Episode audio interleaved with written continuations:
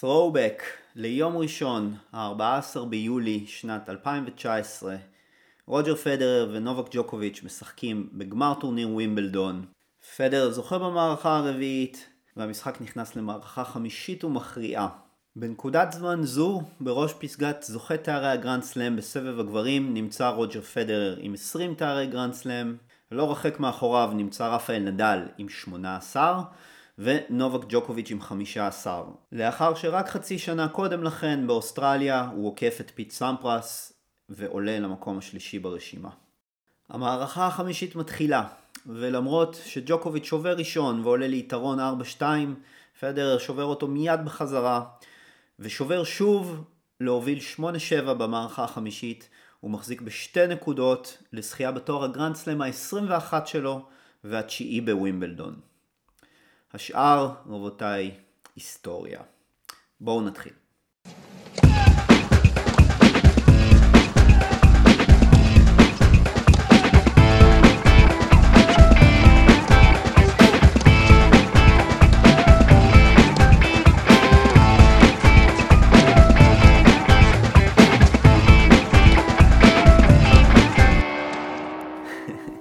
שלום, שלום לכולם, ברוכים הבאים, פודקאסט הטניס. אה, אני מקווה שהצלחתי ככה להכניס אתכם, אה, להכניס אתכם למצב רוח, להכניס אתכם לעניינים עם הפתיח הזה.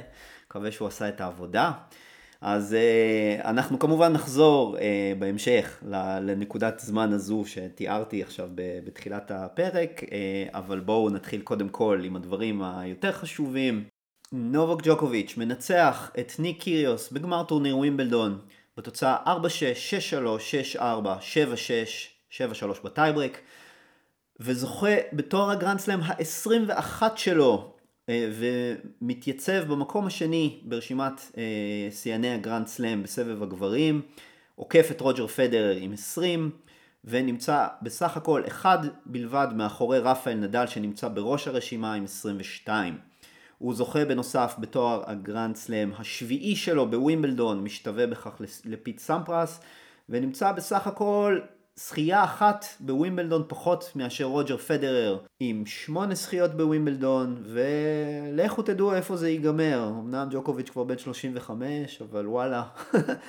אה, אחרי איך שהוא נראה היום בגמר באמת לכו תדעו. אמ, אז, אז איפה בעצם מתחילים? איפה מתחילים לתאר את, ה, את הדבר המטורף הזה? ו... נראה לי, נראה לי שנחזור אה, נחזור לדבר על המספרים ועל הפרספקטיבה ובאמת על המשמעויות של השחייה המדהימה הזאת של ג'וקוביץ', אה, נחזור לדבר על זה בהמשך. אה, אבל היה לנו גם משחק, אז אולי קודם כל באמת נתחיל לדבר על המשחק עצמו.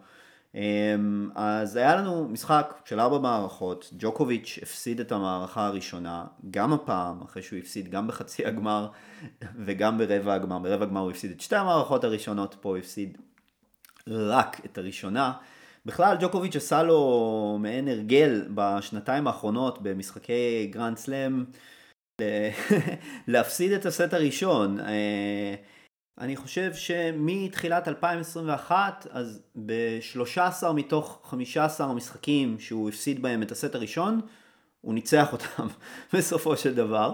אמ, שכמובן שני ההפסדים הם שני ההפסדים היחידים שהיו לו בעצם ב, ב, בשנתיים האלה, למדוודב ב-US Open שנה שעברה ולנדל אה, ברבע גמר הרולן השנה.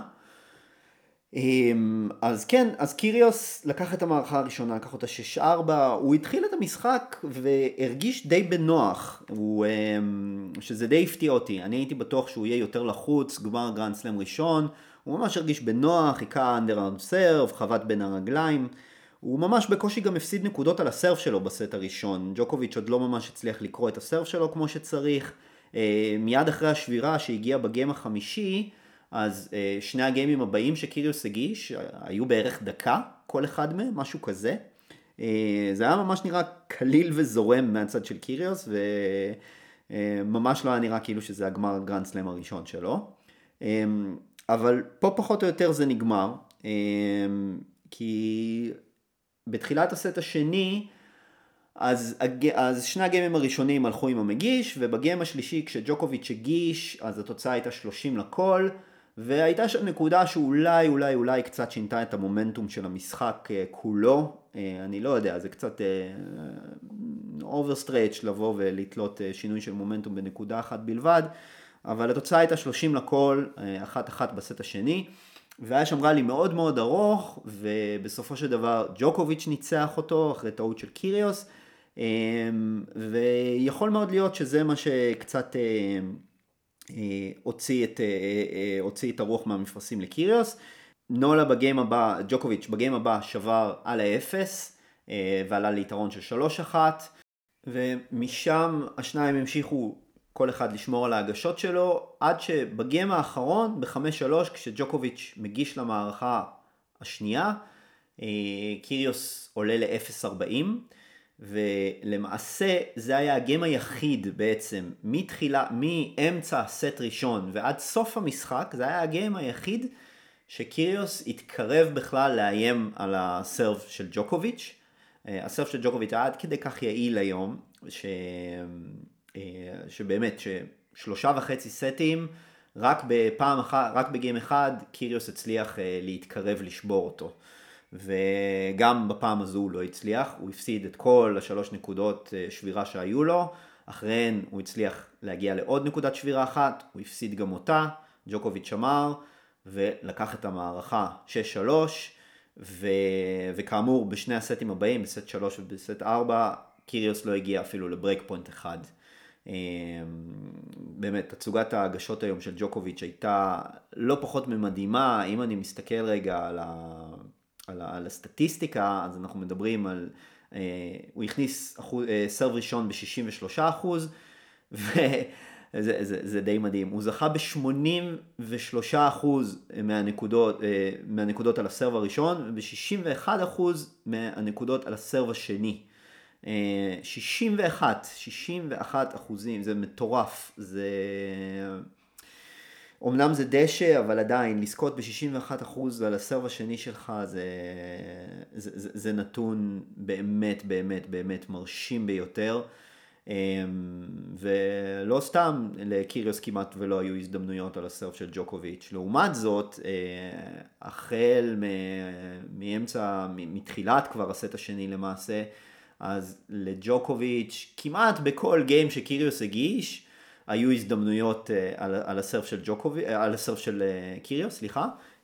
הוא לא הגיע ל break points בכולם מן הסתם, אבל הוא לקח לפחות נקודה או שתיים בכל גיים, וזה זה, זה, זה תמיד הרגיש השבירה באוויר, וגם אם, אם הוא לא הצליח לשבור אותו, ובסט הרביעי הוא לא הצליח לשבור אותו בכלל, עדיין הייתה תחושה שקיריוס צריך לעבוד הרבה הרבה הרבה הרבה יותר קשה כדי לשמור על משחקוני ההגשה שלו, אה, לעומת ג'וקוביץ' שממש שייט במשחקוני ההגשה שלו. במיוחד בסט הרביעי, הסט הרביעי שהגיע לטייברייק, אז בארבעת המשחקוני ההגשה הראשונים של ג'וקוביץ' הוא הפסיד בהם נקודה אחת על ה serve שלו, שהיא הייתה double fault. אחרי זה במשחקון החמישי הוא הפסיד עוד שתיים, כשאחת מהן עוד double fault. אה, אחר כך הוא הפסיד עוד שתיים בגיים הבא ועוד אחת בטייברק וזהו, זה, אלו היו כל הנקודות למעשה שהוא הפסיד ב, בסט הרביעי על הסרף שלו, כלומר שש נקודות בסך הכל, אם ספרתי נכון. אמ, זה סט שהגיע לטייברק, כן?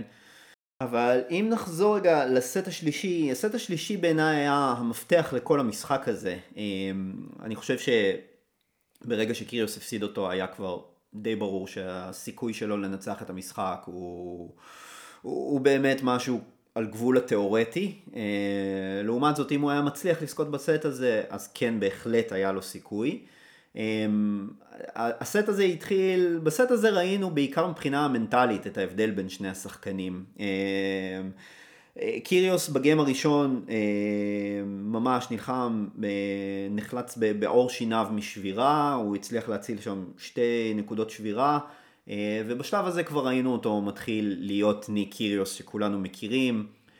התחיל לרטון בלי סוף לעבר הבוקס שלו, האשים אותם שהם לא מספיק מעודדים אותו, נכנס לכל מיני ויכוחים ממש ממש מיותרים עם השופט, ביקש ממנו להוציא איזה מישהי שישבה בקהל וקיריוס טען שהוא, שמציקה לו. איכשהו באורך פלא תמיד הדברים האלה קורים רק עם ניק קיריוס. נו, אבל שיהיה.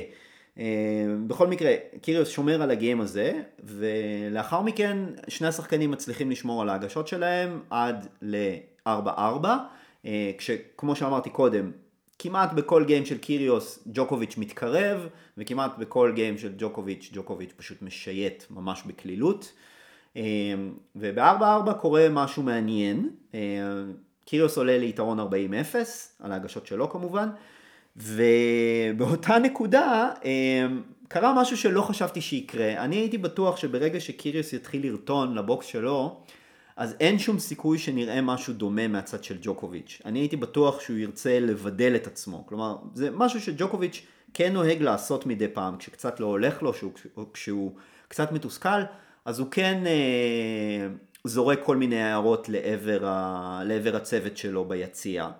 אמ, ואני הייתי בטוח שהיום לא נראה את זה ממנו, אה, מהסיבה הפשוטה שברגע שהיריב שלך עושה את זה, אז אתה רוצה לבדל את עצמך ממנו. אתה, במיוחד גם כשרואים שברגע שהיריב שלך עושה את זה וזה לא ממש עוזר לו, אז, אה, אז אתה רוצה להיות זה ש, שלא עושה את זה, זה שמתעלה.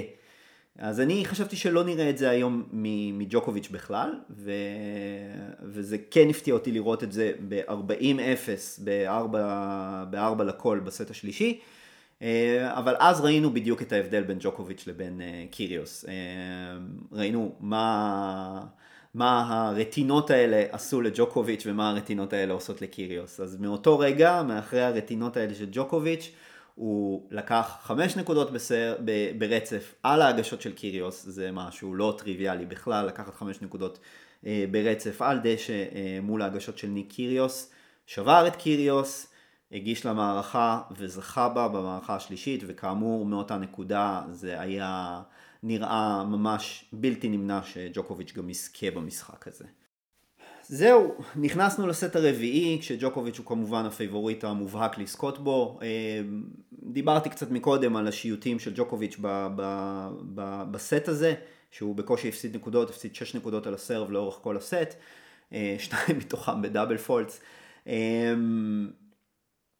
לזכותו של קיריוס ייאמר שהוא כן הצליח לשמור על ההגשות שלו והוא כן נשאר למרות התסכול ולמרות הקיטורים ל box שלו ו... ולמרות היותו ניק קיריוס הוא הצליח להישאר עם ג'וקוביץ' ממש עד הסוף. אמ, אבל אה, כשנכנסנו לטייברק ראינו בדיוק, שוב, קיבלנו עוד הוכחה נוספת בדיוק להבדלים בין, בין שני השחקנים האלה ולמה קיריוס עם כל הכישרון הבאמת פנומנלי שיש לו, הוא בחיים לא יהיה שחקן באמת מהשורה הראשונה. כן, הגיע לגרנד סלאם וזה באמת יפה וזה באמת מרשים, אבל... Uh, להיות שחקן צמרת עקבי הוא בחיים לא יהיה. אמ, פשוט מהסיבה של איך שהוא היה נראה בטייברק. בחייאת רבאק, ניק קיריוס, יש לך הזדמנות לקחת טייברק אחד, טייברק אחד, ולהגיע לסט חמישי בגמר טורניר ווימבלדון. תיתן את כל כולך, עזוב את השטויות, תפסיק לקטר, תתרכז בטניס. והוא פשוט לא היה מסוגל לעשות את זה. הוא, כשג'וקוביץ' אה, עלה, הוא, הוא, אה, ג'וקוביץ' לקח את הנקודה הראשונה בטייברק, אה, ועל ההגשות של קיריוס, קיריוס הצליח להחזיר את ה mini break הזה די מהר, 2-1 והגשות של קיריוס, כלומר אתה on serve, יש לך פה הזדמנות ענקית, ובנקודה הבאה שהוא הפסיד, הוא שוב התחיל לקטר. ולא הצליח לשים לרגע בצד את הרחמים העצמיים שלו ואת זה שכל העולם אשם בכישלונות שלו חוץ מהוא עצמו. וזה חבל, זה ממש ממש ממש חבל לראות את זה. כי אם הוא היה מצליח איכשהו לשים את זה בצד, כמובן אנחנו נכנסים פה עכשיו למחוזות ה-if, if, if, אם הוא היה מצליח איכשהו לשים את זה בצד ואיכשהו לגרד את הטייבריק הזה, לכו תדעו מה היה קורה בסט החמישי. ו...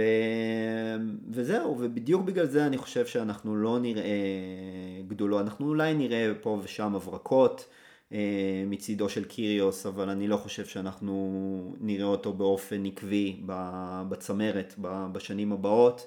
אני גם חושב שאני באמת לא רוצה להקטין מההישג פה של קיריוס, כי זה באמת הישג אדיר להגיע לגמר טורניר ווימבלדון, אה, וכל הכבוד לו שהוא עשה את זה, הוא עשה את זה לגמרי בזכות, הוא ניצח אה, חמישה משחקים של הטוב מחמש מערכות, בשניים מתוכם הוא נגרר לחמש מערכות, זה מאוד מאוד מאוד מרשים.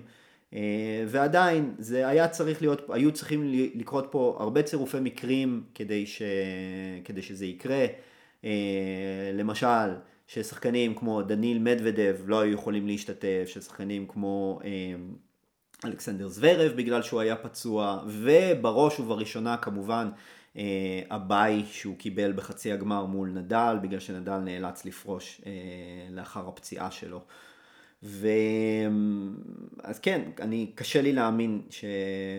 שבטורניר, בוא נגיד, רגיל ובלי ביי בחצי הגמר, וזה, אתם יודעים מה, לא חייב להיות מול רפה דווקא, אבל אה, על אחת כמה וכמה כשזה מול רפה, אבל קשה לי להאמין שהיינו רואים את קיריוס בגמר בטורניר רגיל. אני, אני אופתע אם הוא יגיע לעוד גמר גרנד סלאם בקריירה. אמ, אבל זהו, ו, וראינו את זה גם בסיום, בטקס, על ה... ב-on-court interview, בטקס, אה, שאלו אותו אם זה אה, סו ברקר, שאגב השנה סיימה את, את, את תפקידה אחרי 30 שנה בווימבלדון, שהיא מגישה אה, את, את הטקסים בגמרים בווימבלדון. אה, בנוסף יש לה גם תפקיד כאילו ב-BBC, בהגשות של, ה... של כל הטורניר, אז היא עכשיו פורשת. אה, עשו לה ב-BBC אגב מחווה מאוד מאוד מאוד יפה למי שיצא לראות, אה, מי שלא אני ממליץ בחום. ואז היא שואלת אותו אם הגמר הזה נתן לו תיאבון להמשך, ומה הייתה התשובה של ניק קיריוס? לא, האמת שלא, זה עשה אותי בעיקר עייף ואני רוצה לנוח. אז כן, אז זה מה שנקרא בקליפת אגוז הסיפור של ניק קיריוס, שגם עלה כמובן לטקס עם כובע אדום, אה, עם לוגו של מייקל ג'ורדן, אה, למרות שזה אסור לפי כללי הטקס, כי, כי זה ניק קיריוס, כי לא באמת אכפת לו, ו... וזהו, ואני לא יודע, אני חושב בסופו של דבר שזה, כל הדברים האלה פועלים לרעתו. אמ, יש כאלה שאוהבים את זה, יש כאלה שמעריכים את זה, אני באופן אישי לא אוהב את זה, אני לא חושב, אני לא רואה סיבה למה נובק ג'וקוביץ' היה יכול לשים איזה כובע שהוא רוצה בעולם ולקבל על זה כל כך הרבה יותר כסף מהקנס שהוא היה מקבל, אה, כן מכבד את הטקס וכן נותן כבוד לטורניר ולאירוע ולמעמד. וניק קיריוס מצפצף כי זה ניק קיריוס. זהו, אני באמת לא רוצה להקדיש יותר מדי זמן אה, לעניינים האלה, כי אני מעדיף לדבר על טניס. אה, אז, אה, אז אני חושב שנחזור לנובק ג'וקוביץ', ואולי נחזור אה, לאותה נקודה שבעצם ממנה התחלתי את הפודקאסט, עם התיאור של אותו משחק ב-2019. אז, אה, אז כן, אז כמו שאמרתי, אז בנקודת הזמן ההיא אה, היינו, עמדנו על 20, 18, 15. ג'וקוביץ' הציל את ה match points האלה כידוע וזכה גם במשחק, הוא הצליח אה, לקחת את המשחק הזה לטייברייק, הטייברייק אז באותה שנה היה ב-12-12, לא ב-6-6 כמו השנה, והוא היה טייברייק רגיל, עכשיו זה טייברייק עד 10 בסט החמישי. אמ, והוא ניצח את הטייברק הזה 7-3 אם אני זוכר נכון, הגיע ל-16 תארי גרנד סלאם ומאז בעצם מה שקרה זה שפדר נשאר על 20, נדל זכה בעוד ארבעה וג'וקוביץ' זכה בעוד חמישה. אמ, כלומר תשעה מתוך 11 הסלאמים שבאו אחרי ווימבלדון 2011 אה, הלכו לנדל ולג'וקוביץ', שהשניים האחרים הולכים כמובן לטים ולמדוודב. אה, וזהו, ומה ש... והמצב כרגע הוא, כמו שאמרתי אה, קודם, 22 נדל, 21 ג'וקוביץ' ו-20 פדרר. ומעבר למספרים האלה, באמת, אני חושב שאין מספיק סופרלטיבים לבוא ולתת לנובק ג'וקוביץ'. אני חושב שעמד השנה, וואו, מאיפה בכלל מתחילים uh, לתאר את מה שעבר uh, על נובק ג'וקוביץ' השנה, וחלק גדול מזה באשמתו, כן, אני ממש ממש ממש לא הולך uh, לנקות אותו מדברים שהוא היה אחראי להם, ושלחלוטין באשמתו הוא נאלץ לעבור. Uh, לא ניכנס אליהם בפרק הזה, אבל uh, מה שעבר, אבל לאור מה שעבר עליו, זה שהוא כן הצליח לחזור. גם מהגירוש מאוסטרליה, שהיה נטו באשמתו בעיניי, אה, אפשר לדבר על זה בהרחבה אם תרצו בתגובות, ואני אשמח אה, להרחיב את דעתי בעניין הזה למי שרוצה. אה, ולאחר מכן באמת הוא נכנס לאיזשהו משבר נפשי שהוא בכלל לא היה כל כך מודע אליו בהתחלה, ואז כשכבר היה נראה שהוא כן חוזר לעניינים, בא אחד אחר בשם רפאל נדל, ובגלל שאת נדל מאוד מאוד מאוד קשה לנצח ברולנד גרוס, אז אה, ג'וקוביץ' נתקל בו כבר בשלב רבע הגמר והפסיד לו, אה, ובכך שבר את חלומו לזכות ברולאן גארוס בפעם השלישית. כל זה לא מנע מג'וקוביץ' להגיע לפה עם full מוטיבציה, ולמרות שזה שחקן שכבר באמת עשה הכל בספורט, בא סופר נחוש, ואחרי הפסדים של שתי מערכות, אחרי הפסדים של שתי מערכות ראשונות ברבע הגמר והפסדים של סט ראשון גם בחצי הגמר וגם בגמר, הוא עדיין הצליח לזכות בתואר ואין פה שום כוכביות, לא בגלל ההיעדרויות של השחקנים הרוסיים ולא בגלל שאין נקודות דירוג ולא בגלל שרפאל נדל אה, נפצע בחצי הגמר וכולי וכולי וכולי, הוא זכה בתואר הזה לגמרי אה, בזכות ולא בחסד של אף אחד. אמ, ו, ו, ו, וזהו, אני חושב שהמספרים שלו מדברים בעד עצמם, ומעבר למספרים פשוט צריך לראות איך הבן אדם הזה משחק, כדי לראות איזה ספורטאי ענק זה, וזה באמת, אני חושב, מי שמכיר אותי יודע, אני ממש לא אוהב את נובק ג'וקוביץ' כספורטאי.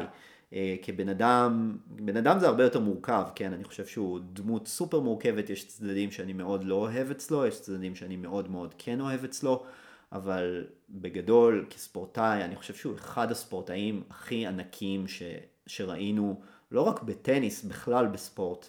ואני פשוט כד קידה ומסיר בפניו את הכובע. אה, ברכות, נובק ג'וקוביץ'. זהו, אה, דבר, דבר נוסף בולט שקרה ב, בימים האחרונים הוא כמובן הפרישה של, של רפאל נדל אה, ממשחק חצי הגמר מול ניק קיריוס. נדל הודיע יום לפני חצי הגמר שהוא, זה משהו שהיה די צפוי, דיברתי על זה גם בפרק הקודם. הוא לאור הפציעה שהתחילה לו מתחילת הטורניר בשרירי הבטן והחמירה מאוד במשחק אה, מול טיילור פריץ ברבע הגמר, משחק שרפאל נדל הצליח לנצח איכשהו בשיניים, אה, רק באמת אלוהים יודע איך הוא ניצח את המשחק הזה. אה, בכל מקרה נדל הודיע שהוא ניסה להתאמן יום למחרת ביום חמישי, התייעץ, עשה בדיקות, גילו שיש לו קרע של 7 מילימטר באבדומינל ונדל החליט שהוא פורש, הוא הבין שאין לו באמת סיכוי אה, לזכות בתואר, אין לו סיכוי לנצח גם את ניק קיריוס וגם אה, עוד לא ידעו אז מי יהיה בגמר, אבל אה, ההנחה הסבירה הייתה שזה יהיה נובק ג'וקוביץ'. אה, ובנוסף, אני חושב שהדבר העיקרי שעמד מאחורי ההחלטה הייתה הידיעה שאם נדל ימשיך וישחק, הקרע הזה יוחמר. וזה יפגע אה, ככל הנראה בסיכויים שלו להשתתף אה, בקלנדר שלו להמשך העונה, שזה בעצם עונת המשטחים הקשים אה, בצפון אמריקה. שמבחינה הזו זה בעצם חדשות טובות, כי, ב, כי זה אומר שנדל בעצם מסתכל קדימה, חדשות טובות לאוהדי רפה, לאוהדי טניס אני חושב באופן כללי. אני חושב שרפה מסתכל קדימה, והוא כן אה, משהו שלא יכולנו להגיד לפני חודש, אחרי שהרולנד גרוס הסתיים, שרפה בעצמו לא ידע אם הקריירה שלו עומדת להסתיים. ואז כרגע נראה שהוא כן מביט קדימה, שזה מאוד מאוד מאוד משמח. אמ, זהו, אני כן רוצה רק להתייחס לאיזשהו עניין אחד שעלה עלה בתקשורת, ברשתות, בשיח. אה, אה, מה קורה בעצם במצב ששחקן פורש אה, ובעצם נמנע מאיתנו חצי גמר אחד? אה, אז היו כל מיני כאלה שאמרו שזה אה, זה, זה באמת טיעונים מגוחכים קצת בעיניי. לבוא ולהגיד שזה בעצם לא ספורטיבי שנדל ניצח את המשחק הזה, אז כאילו מה אתם רוצים? מה רציתם? שהוא יפסיד את המשחק בכוונה? היה לו סיכוי לנצח, הוא עשה את כל מה שהוא יכול כדי לנצח, ומתוך תקווה שהוא גם יוכל להיות כשיר לחצי הגמר, ואז הוא לא היה כשיר לחצי הגמר, אז הוא פרש, אוקיי? כאילו מה רציתם? שהוא יפסיד בכוונה? כשפדר פרש שנה שעברה ברולן אה, בשלב שמינית הגמר, זה לא היה בדיוק אותו דבר, ואז פדר בכלל לא היה פצוע, הוא סתם היה עייף ורצה לאגור כוחות לווימבלדון, אה, כי פשוט הוא ידע שאין לו שום סיכוי לזכות ברולנד גרוס. אז הוא עשה שלושה משחקים, ניצח את שלושתם ופרש. נו, באמת. אה, anyway, אז, אה, אז זה דבר אחד. ודבר שני, האם ראוי להכניס את אה, טיילור פריץ לחצי הגמר במקום נדל ברגע שנדל מודיע על, על, על פרישה? אה, וואלה, אני מתנגד לזה בתוקף, אני חושב שזה רעיון רע מאוד. אה, מה אתם רוצים? בעצם שתהיה אופציה לשחקן שהפסיד, הפסיד באופן כשר והוגן לחלוטין בשלב רבע הגמר, אתם רוצים שתהיה לו אופציה לזכות בטורניר? הוא כולה צריך לנצח עוד שני משחקים, זה לא תיאורטי, זה לגמרי מעשי. בעיניי זה ממש אה, בלתי, לא, לא יעלה על הדעת. אה, זה טיילור פריץ במילותיו, הוא אמר, חברים, אני הפסדתי בחצי הגמר, אה, ברבע הגמר, סליחה, ממש לא מגיע לי להיות בחצי הגמר, תודה, אבל לא. אז כל הכבוד לו על כך. וזהו, אז זה, זה לגבי העניין הזה. ניק קיריוס קיבל מנוחה של בעצם ארבעה ימים. אני לא, אני לא חושב שזה השפיע עליו יותר מדי, כי ראינו שהוא עלה לסט הראשון, כאילו הוא, הוא קצת בעצמו חשש שזה יוציא אותו מבלנס, אה, השבירה של, ה, של הרוטינת משחקים של יום כן יום לא, אבל ראינו ש, שזה לא קרה. אה, כי הוא באמת עלה לסט הראשון וזה היה בעצם הסט הכי טוב שלו היום. אמ, לגבי, לגבי האפטרמאס של הטורניר מבחינת, מבחינת נקודות דירוג, אז בעצם נוצר לנו פה מצב מאוד מאוד מאוד מצחיק, ש... שבעצם נובק ג'וקוביץ' הולך מחר לרדת מהמקום השלישי בעולם למקום השביעי בעולם, בגלל שווימבלדון לא מעניקים נקודות דירוג, והוא הולך לאבד את כל האלפיים נקודות שהוא זכה בהן אה, בשנה שעברה. אה, הוא כן היה יורד בכל מקרה למקום הרביעי, אה, בגלל שרפה בכל מקרה היה עוקף אותו, כי רפה היה מקבל 720 נקודות על החצי גמר, שזה 360 נקודות יותר ממה שהוא כרגע יש לו מווימבלדון 2019, זה עוד שאריות של דירוג קורונה. אז כלומר, נדל היה עוקף את ג'וקוביץ' והיה עולה למקום השלישי בכל מקרה על חשבונו של ג'וקוביץ', אבל ג'וקוביץ' היה נשאר במקום הרביעי. עכשיו הוא יורד למקום השביעי. והנפגע העיקרי בעצם מכל עניין הזה ש... של אין ניקוד בווימבלדון השנה הוא, הוא ניק קיריוס שממש אכל אותה בהיבט הזה כי אה, הוא היה מרוויח עכשיו 1200 נקודות בטורניר נורמלי שהיה מעניק נקודות דירוג והוא לא מקבל ולו גם נקודה אחת. אה, זה כמובן מכה די גדולה מבחינתו לגבי המשך עונה. אני לא כל כך יודע מה התוכניות שלו להמשך, זה ניק קיריוס, אי אפשר לדעת, בואו, כאילו, יכול להיות שהוא ייעלם עכשיו עד אוסטרליה. אבל uh, בהנחה שהוא כן מתכוון להמשיך להשתתף בטורנירים, אז ה-1200 נקודות האלה היו uh, מכניסות אותו עמוק לטופ 20, uh, סביב ה-17, 16, 18, משהו כזה, היו מעלות אותו, הוא היה נכנס לתוך הטופ 20. אמ, החדשות הטובות מבחינתו זה שלפחות הוא גם לא מאבד עכשיו הרבה נקודות, יש לו רק 90 נקודות להגן עליהן. אמ, אבל כן, אם הוא היה נכנס עכשיו לטופ 20, אז המשמעות של זה מבחינתו זה קודם כל להיות מדורג בוודאות בסלאם הבא בניו יורק, ב-US Open. ולהיות מדורג בעצם בכמעט כל טורניר שהוא משתתף בו, כלומר קיריוס כן אוהב להשתתף בוושינגטון, אז סביר מאוד להניח שהוא גם היה מדורג שם. וכולי וכולי בטורנירי מאסטרס, אז, אז הוא בעצם הנפגע הגדול מהסיפור הזה. על ג'וקוביץ', אני לא כך יודע כמה זה ישפיע, כי גם כרגע לא כך בטוח שג'וקוביץ' ישחק ב-US Open.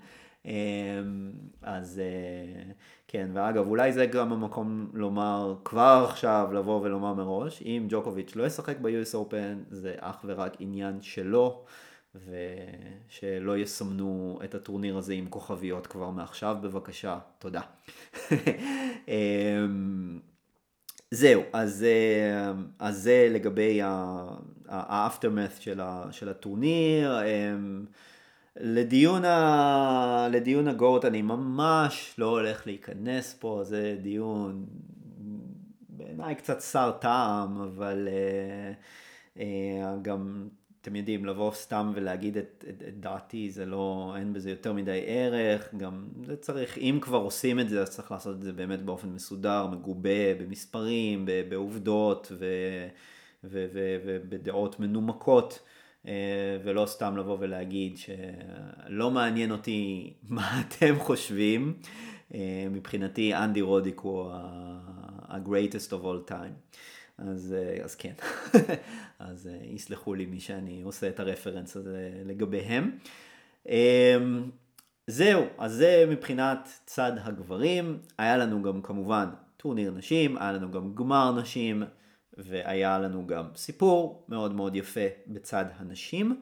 אז הזוכה בווימבלדון 2022 בטורניר הנשים היא אלנה ריבקינה המייצגת את קזחסטן. היא מנצחת את אונסט ג'ובור בגמר בתוצאה 3-6, 6-2, 6-2. חצאי הגמר בעצמם היו סיפור אה, מאוד אה, יפה, ריבק, אה, ריבקינה ניצחה את האלפ שהייתה פייבוריטית אני חושב בשלב הזה לזכות בטורניר, ניצחה אותה 6-3, 6-3 ו... אה, אונס ג'בור מתוניס אה, ניצחה את טטיאנה אה, מריה, חברה טובה שלה, אונס ג'בור היא בת בית במשפחת, במשפחתה של מריה, חברות טובות, והיא ניצחה אותה בשלוש מערכות, וזה באמת היה סיפור סינדרלה מאוד יפה שקצת דיברנו עליו בפרק הקודם של מריה. ובגמר אונס ג'בור הייתה פייבוריטית לזכות, היא הייתה, היא עמדה להפוך להיות השחקנית הערבייה הראשונה שזוכה בגרנד סלאם. זה לא קרה, שכן אה, אה, ריבקינה בת ה-23 אה, הצליחה להתגבר על פיגור מערכה, הפכה את המשחק וניצחה אותו בשלוש מערכות. Uh, המשחק עצמו היה מצוין, המערכה השלישית הייתה uh, די דרמטית, כלומר היא אומנם נגמרה בתוצאה 6-2 אבל הייתה שם דרמה די גדולה. Uh, המערכה נפתחה עם שבירה מהירה של, של ריבקינה, היא עלתה ליתרון מוקדם של 2-0, uh, כשהתוצאה הייתה 3-2, אה, אונס ג'בור הפעילה לחץ מאוד מאוד כבד על, אה, על ההגשות של ריבקינה, ניסתה לשבור אותה בחזרה. אה, היו לה שלוש הזדמנויות שבירה לג'בור, היא פספסה את כולן, ואיכשהו ריבקינה הצליחה לזכות בגיים הזה ועלתה ליתרון 4-2. היה לה קצת מזל, קצת בנקודה האחרונה, עם איזשהו נד קורד בוולי. זכתה בנקודה הזו, עלתה ליתרון 4-2 והצליחה לשבור את ג'בור, אה, אה, לשבור את ג'בור שוב בגיים הבא. עלתה ליתרון של שבירה כפולה וזכתה במשחק. היא כמעט ולא חגיגה אחרי המשחק, שאלו אותה על כך רבות אחרי זה במסיבת עיתונאים ו... אה, ורק בסוף בסוף בסוף של המסיבת עיתונאים אה, אז הרגש התחיל אה, to overwhelm her, כששאלו אותה על ההורים שלה, אה, מה, מה ההורים שלה מרגישים, מה היא חושבת שההורים שלה מרגישים, אה, אז היא אמרה שהם כנראה מאוד מאוד גאים, ו, אה, והתחילה קצת לבכות. אה, זה ממש הרגיש כאילו העיתונאים במסיבת עיתונאים היו מאוד מאוד צמאים לרגש הזה וסירבו לקבל את העובדה ש... שהיא שומרת על כזה קור רוח וכזה פאסון אחרי זכייה בווימבלדון. זו הייתה בסך הכל ההשתתפות השנייה, אה, היא הפסידה פעם אחת במוקדמות ב-2019, אבל אה, בבית הגמר זה בסך הכל ההופעה השנייה שלה בווימבלדון, והיא זוכה בתואר, שזה די מטורף. אה, הסיפור האולי הכי מעניין אני חושב פה בהקשר הזה הוא סיפור באמת הייצוג, הייצוג המדינתי, אז אה, כידוע ריבקינה מייצגת את קזחסטן ולא את רוסיה, שזו המדינה שהיא ייצגה אותה עד שנת 2018. ריבקינה היא רוסיה, כמובן, היום יש לה אזרחות קזחית מן הסתם, ואם אני לא טועה, אני לא בטוח, היא ויתרה על האזרחות הרוסית שלה, אבל עד כמה שידוע לי היא עדיין מתגוררת במוסקבה, והטורניר הזה כידוע לא אפשר לשחקנים רוסים ובלרוסים להשתתף בטורניר אה, בגלל המלחמה עם אוקראינה. אמ, וריבקינה ככה, אמ, בזכות העובדה שהיא עברה לייצג את קזחסטן מסיבות פיננסיות נטו, כן? מסיבות פשוט, קזחסטן היא מדינה זה לא, היא לא השחקנית היחידה שקזחסטן, מה שנקרא, אה, מעבירה לשורותיה, גם בגזרת הגברים, גם בגזרת הנשים. אה, בגזרת הגברים המפורסם שבהם הוא אלכסנדר בובליק. אה, ואז מה שקורה באמת, הפדרציה הרוסית, בגלל שיש המון שחקנים רוסים, אז לא, היא לא תומכת בשחקני דרג ביניים, כמו שהם כנראה היו רוצים. ומדינה כמו קזחסטן, נורא מפתה עבורה אה, אה, להעביר את השחקנים האלה לשורותיה, שייצגו אותה בגביע דייוויס, בגביע פדרציה, וזה מה שקרה עם בובליק, זה מה שקרה עם אה, ריבקינה, והיא מ-2018 היא מייצגת את קזחסטן, וזה גם מה שאפשר לה להשתתף השנה בטורניר ולזכות בטורניר. עכשיו, לא היה שום אזכור מצידה ל... אה, לרוסיה, לא בטקס ולא במסיבת עיתונאים. אמ, אני לא יודע, אמ, כלומר ההורים שלה נמצאים אה, ברוסיה, היא למיטב ידיעתי גרה במוסקבה כמו שאמרתי. אמ, אני תוהה אם, ב... אם אמרו לה לא להגיד שום דבר שקשור לרוסיה בטקס. ההורים שלה הרי נמצאים שם, אני חשבתי שהיא תרצה להודות להם ולהגיד ההורים שלי שנמצאים, עכשיו זה מה שבדרך כלל קורה כשההורים לא נמצאים בטקס כל כך משמעותי, אבל זה לא קרה. אה, מעניין אותי מבחינת הארגון של הטורניר, אז נאמר לה איזה משהו, נאמר באופן כללי לשחקנים שמתגוררים ברוסיה אבל לא מייצגים את רוסיה, לא להזכיר את זה בשום צורה, לא יודע, מסקרן, אם מישהו יודע על זה אני מאוד מאוד אשמח אם אה, יכתוב בתגובות. אה, מה שכן, כן שאלו אותה לגבי אם היא מגנה את, ה, את המלחמה עם רוסיה והיא תרצה בתשובה שלה בכך שהיא לא ממש מבינה אנגלית ולא כך הבינה את הסוף של השאלה, אבל היא מייצגת את קזחסטן כבר הרבה זמן, קזחסטן היא המדינה שלה, ופשוט לא ענתה על השאלה. אה, זהו, אמ, לא מביע כאן דעה לא לכאן ולא לכאן, אני פשוט אה, מציג את הדברים כפי שהם קרו. אה, שכל אחד ישפוט לפי ראות עיניו. אה, זהו, זה הסיפור. כך או כך, אה, הניצחון שלה באמת מאוד יפה, מאוד מרשים. היא בסך הכל בת 23, ואני חושב גם שבלי שום קשר לסיפור עם, עם רוסיה, הקהל בתחרות מאוד מאוד אהב אותה, ו... ובצדק היא באמת עושה רושם של באמת שחקנית נחמדה מאוד, ופשוט שחקנית טובה שכיף לראות אותה, ו... ואני חושב ש... שזהו, אונס ג'ובור כמובן תהיה מאוד מאוכזבת אה, מה... מההפסד הזה, הייתה לה כאן, אני חושב באמת הזדמנות פז, אבל היא שחקנית שמכוונת מאוד מאוד גבוה, אין לי ספק שהיא לא מתכוונת לעצור כאן. היא מאוד, אה, מאוד חשוב לה גם העניין הזה של, אה, של להוות אה, מודל לחיקוי ולשמש השראה להמון נשים אה, בעולם הערבי ואני חושב שזה משהו שמשחק אצלה תפקיד מאוד מאוד גדול ב... אה, ב... במשחק שלה ובדמות שלה בעולם הטניס. ואין לי ספק שאנחנו עוד נראה ממנה גדולות ונצורות. ואני חושב שזהו, אני חושב שסיימנו להיום.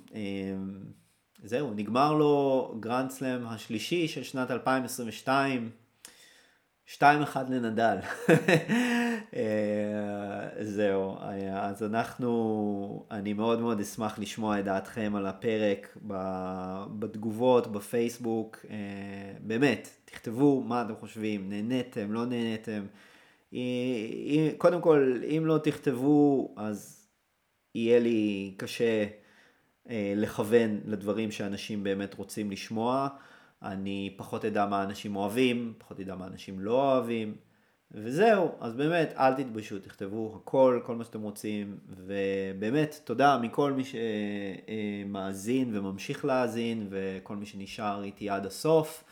אה, אני, אם יש לכם חברים שאוהבים טניס ואוהבים פודקאסטים, אני מאוד אשמח אם תספרו להם על הפרק, על הפודקאסט הזה, תשלחו להם את הפרק. אז שוב, תודה רבה, ואנחנו נשתמע בקרוב. תודה חברים, ביי ביי.